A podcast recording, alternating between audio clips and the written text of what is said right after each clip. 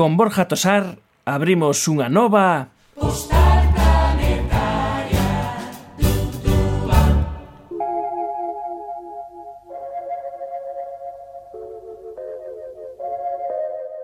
Moi boas tardes, Borja.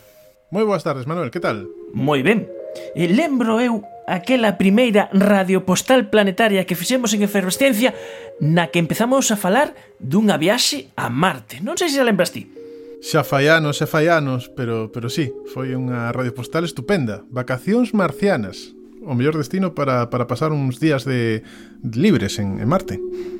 E recuncando a idea de viaxar a Marte, desta volta ímolo tomar máis en serio, porque queremos vivir en Marte, cambiar Marte e facer un Marte a nosa imaxe semellanza, a imaxe semellanza da Terra. Sí, porque Marte eh, está ben para ir de vacacións unha, uns días, está moi ben, porque, bueno, pero claro, tens que ir con escafandra, fai frío, non hai oxígeno para respirar, estas cousiñas que te fan un planeta desagradable, igual podemos pensar en convertir a Marte nun xemelgo da Terra, terraformar Marte.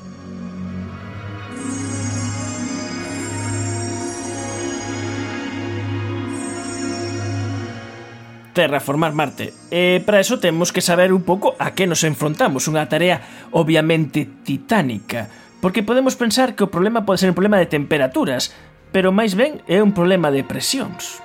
O, a temperatura é importante, porque a temperatura típica en Marte de 20 grados baixo cero, hai sitios máis quentes en Marte no que a temperatura pode estar por riba do cero, en outros lados, eh, nos casquetes polares está a centos, a, por debaixo dos 100 grados baixo cero, Pero o problema non é a temperatura, non é só que cero planeta. O problema é que non hai atmósfera en Marte.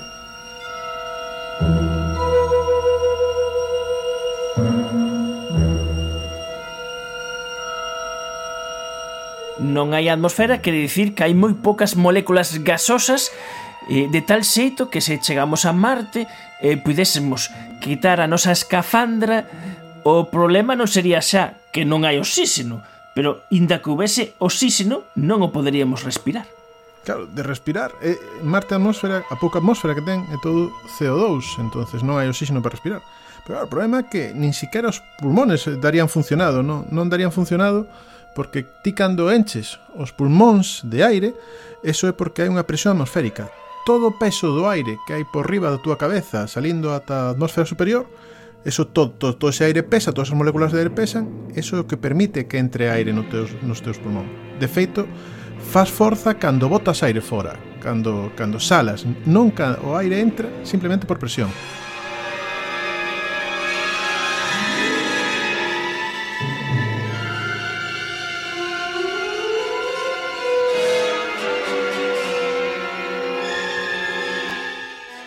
E logo está precisamente ese mito eh, que había de que un cando morría expiraba 22 gramos de CO2, que realmente non é así. Pero esa, esa cifra nos pode servir para facer unha serie de comparacións. Que pasaría se esa última aspiración, eses supostos 22 gramos, que non son 22 gramos, pero vamos supoñer que son 22 gramos de CO2 que expiramos en, en Marte, eh, que volumen ocuparían en Marte? Calculamos ao redor de 1000 1100, 1200 litros de, de volumen. Isto é así porque estamos a decir que en Marte a presión é moi baixa. E, e quizáis, para ver todas as implicacións que, que dá este dato, é pensar que pasaría mirando na Terra en sitios que hai menos presión. Por exemplo, subimos a Everest, que sabemos que aí a, a presión atmosférica eh, diminúe. Eh, poñamos o caso, queremos facer un gombro cocido no Everest, é posible Pois é posible, pero tardas moitísimo máis tempo. Por qué? Porque resulta que a, a auga no Everest, na, no, no cimo do Everest, ferve a unha temperatura distinta na ca auga que, que podemos cocer ou que podemos para, que utilizamos para a cociña en Galicia, especialmente o nivel do mar. Hai menos presión atmosférica na cima do Everest, hai, o aire que hai por riba pesa menos porque está máis alto, e por eso a auga comeza a ferver a 71 grados centígrados.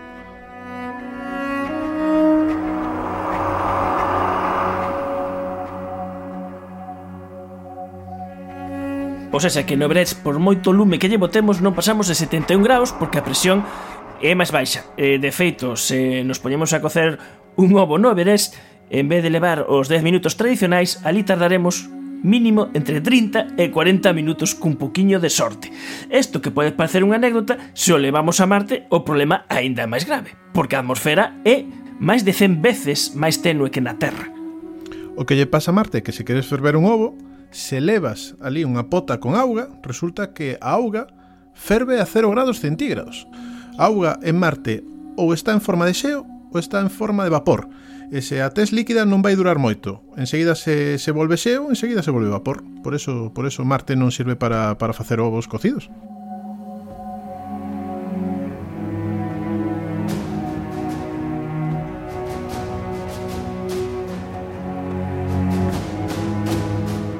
Este un fenómeno que se chama sublimación, que por exemplo na Terra, eh, quen teña experimentado co que se chama xeo seco, que é nin máis nin menos que CO2 conselado, eh, verá que se utiliza, entre outras cousas, para conservar alimentos ou para facer algunhas ilusións, este fume que aparece ás veces pola tele, estas cousas, eh, verá que ou está conselado ou está en estado gasoso, non está en estado líquido. E isto pasará absolutamente con todos os gases que teñamos en Marte. Si, sí, pasa co CO2 en Marte e pasa co, co, co xeo, co xeo, entre comiñas, de auga que hai en Marte, que o, o xeo eh, convértese automáticamente en vapor de auga sen pasar polo estado líquido.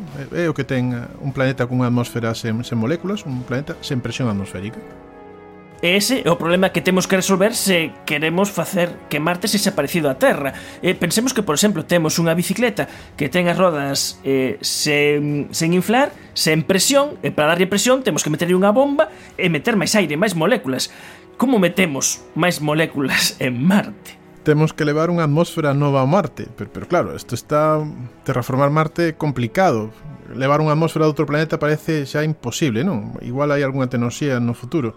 Pero claro, resulta que, que para conseguir más, máis moléculas na atmósfera de Marte temos a sorte de que resulta que temos unha especie de atmósfera conxelada eh, perfecta e lista para, para desconxelar e, e facer eh, que o planeta aumente significativamente de presión e de temperatura e resulta que toda esa atmósfera está en forma potencial no casquete polar marciano, que é un montón de xeo, de CO2, tamén de agua, pero especialmente de, con grandes cantidades de CO2, ese gaso de efecto invernadoiro na Terra. Entón, eh, seguindo neste exercicio de terraformación de Marte, o obxectivo principal sería sublimar esa palabra máxica que pase de estado sólido a estado gasoso todo ese CO2 dos casquetes polares co cal matábamos varios pásaros dun tiro. Claro, formábamos unha atmosfera nova, porque ao soltar todo ese CO2 que está comprimido en xeo, aparece como gas, se expande moitísimo e, e fai que e, a presión aumente moitísimo en Marte,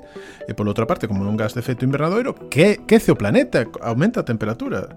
Só temos que darlle un empurrón, e para darlle un empurrón que temos é que quecer un pouco o casquete polar marciano para que se sublime, para que todo ese xeo salga a atmósfera e forme unha atmósfera nova. E a auga que si hai en Marte si podría pasar a ese estado líquido. Exactamente, con esa nova presión atmosférica e ao, o aumento de temperatura, resulta que Marte está completamente eh, hai, ah, xeo de agua por toda a superficie de Marte, por todo o regolito de Marte, especialmente polas latitudes máis altas. Toda esa auga que está en forma de xeo neste momento, en forma de permafrost, como de, de terra ou de, mellor dito, regolito conxelado, pois licuaríase faríase auga, auga líquida, empezaría a haber lagos, e con lagos chegaría a haber hai auga para facer océanos completos de auga líquida. E un planeta cunha atmosfera densa e con auga líquida en superficie é o paso máis importante para facer un planeta parecido á Terra.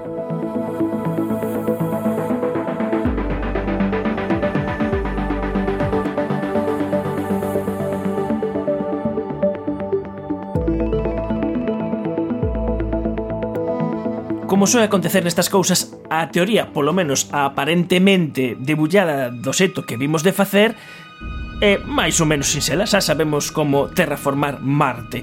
A cuestión é como diaños facemos para fundir eses casquetes polares marcianos. Pois eh, unha idea é poñer un espello en órbita ao redor de Marte Un espello que concentre os rayos de sol sobre o casquete polar e, Concentrando os raios de sol quece o casquete polar, evapora o casquete polar e mellor dito, Sulimo Casquete Polar, e xa temos unha atmosfera nova. Eh, a mí me parece que eso eh, é unha idea moi de ciencia ficción ou de utilizar un espello, porque teria que ser, un, non sei, un espello enorme, me parece que tecnolóxicamente parece pouco viable. Non te cortes, é unha idea moi tola. Pero pero hai que decir que xa se fixo. A Axencia Espacial Rusa puxo un espello en órbita nos anos 90, que é o proxecto Zambia, E resulta que con este proxecto o que pretendían era alumear cidades en Siberia e ahorrar o, a, a electricidade pois, da iluminación urbana, intentar mellorar o sistema de cultivos de Siberia, bueno, ideas destas. E conseguiron poñer un espello en órbita e iluminar varias cidades europeas nunha especie de, de, de liña na, no que se move o espello e iluminar varias zonas de Rusia pola noite cun espello en órbita cando era de noite donde, donde está alumeando. Claro, a luz que daba non era a luz do sol, era simplemente a luz de máis ou menos eh, dúas lúas cheas, non? Pero é unha tecnoloxía que xa se fixo. É real e só hai que facer un espello máis grande para Marte.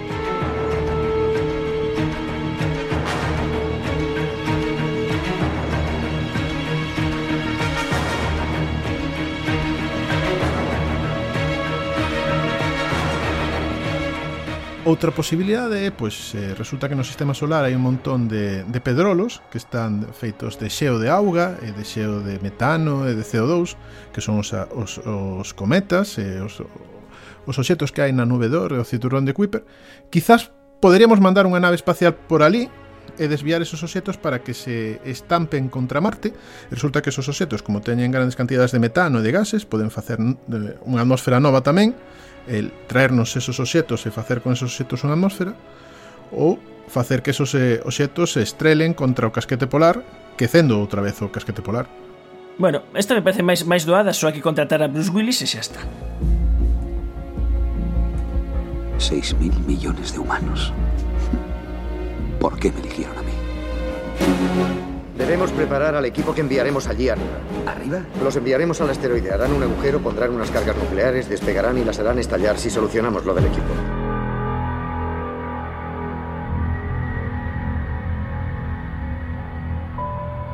E terceira posibilidade. E a terceira posibilidade é algo que xa facemos na Terra, que, que na a Terra seguramente non lle vaya ben con isto, pero é o quecemento global a tecnoloxía dos, dos humanos ha chegado un, un momento no que somos capaces antropoxénicamente de facer que, que a atmósfera eh, se incorpore unha gran cantidad de CO2 e de, efecto, de gases de efecto invernadoiro e con eso estamos realmente quecendo a Terra. O que nos sirve para quecer a Terra nos pode servir tamén para quecer a Marte. Simplemente temos que ir a facer o mesmo que estamos facendo aquí. Ou sea, que en vez de contaminar aquí, contaminar alá. Sí, sería estupendo se podéramos cambiar a contaminación da Terra para Marte, pero non podemos. Temos que ir ali a Marte a facer fábricas, non? Pero, pero a tecnoloxía está clara e o impacto está claro e, e é tamén real, simplemente hai que cambiar a escala. E, e pode ser ao revés, que tecnoloxías que empreguemos en Marte para estas cousas non beneficien a Terra? Por eso é tan interesante estudar a terraformación. Aí diches no clavo. Precisamente estas ideas que parecen tolas, estas ideas que parecen diverxentes, estas ideas eh, creativas, eh, a, a terraformación parece unha toleada, pero sen embargo facilitan a creatividade dos científicos, non? Ideas tan tolas como estas poden servir ou dar a pista de ideas que nos podan a axudar a arranxar as cousas e os problemas climáticos que temos na Terra, os problemas que podemos ter, ter na Terra.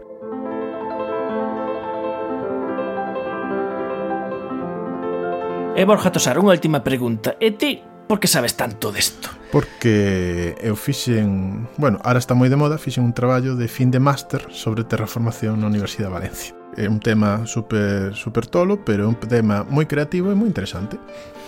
Pois xa me gustaría a mí ver ese traballo fin de máster, se xa que a próxima vez que teamos postal planetaria podes traelo e o vemos. Borja Tosar, moitas grazas por comprimir unha terraformación e todo un traballo de fin de máster en 10 minutos de radio. Non hai problema. Moitísimas gracias, Manuel.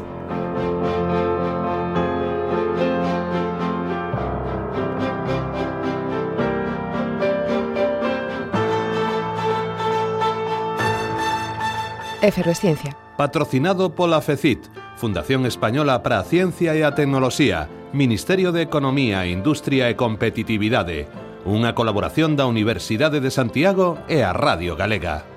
E isto foi todo nesta edición na que intentamos cocer un ovo en Marte e coñecemos unha parte esquecida da historia da ciencia da nosa Terra.